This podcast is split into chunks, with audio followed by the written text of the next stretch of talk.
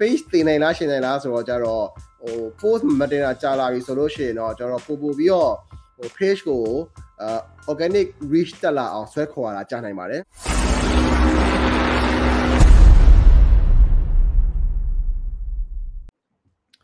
handling မေးထားတာက hello bro တဲ့ကျွန်တော် follower 6k ကျော်နဲ့အရင်က travel and tour page ကိုရှိတယ်အခုက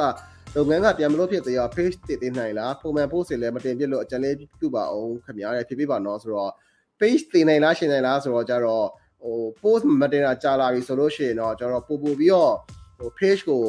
အာ organic reach တက်လာအောင်ဆွဲခေါ်ရတာကြားနိုင်ပါတယ်ဆိုတော့အနည်းဆုံး28 days ကနေပြီးတော့မှကျွန်တော်4 5 6 months လောက်ကိုကျွန်တော်ကြားနိုင်တယ်ပုံမှန် post လည်းမတင်ဖြစ်လို့အကြံပေးပါတော့ကျွန်တော်ဘယ်လိုအကြံပေးရမှာလဲ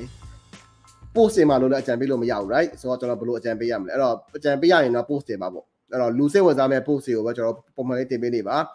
business post business content ဖြစ်စရာမလိုဘူး commercial content ဖြစ်စရာမလိုဘူးပြောမယ်ဆိုလို့ရှိရင် travel door page ကို commercial မလုပ်ဘဲနဲ့ကျွန်တော် blog နေနဲ့ရေးနေလို့ရတယ် right အဲ့တော့ blog နေနဲ့ရေးနေရင်းနေရနေပြီးတော့မှကိုယ့်ရဲ့ business plan ပြီးစရဆိုလို့ရှိရင်တော့ then change into business ပေါ့လေ right အဲ့ဒါတော့ကျွန်တော်အနေနဲ့ကတော့အကြံပေးပေးချင်ပါတယ်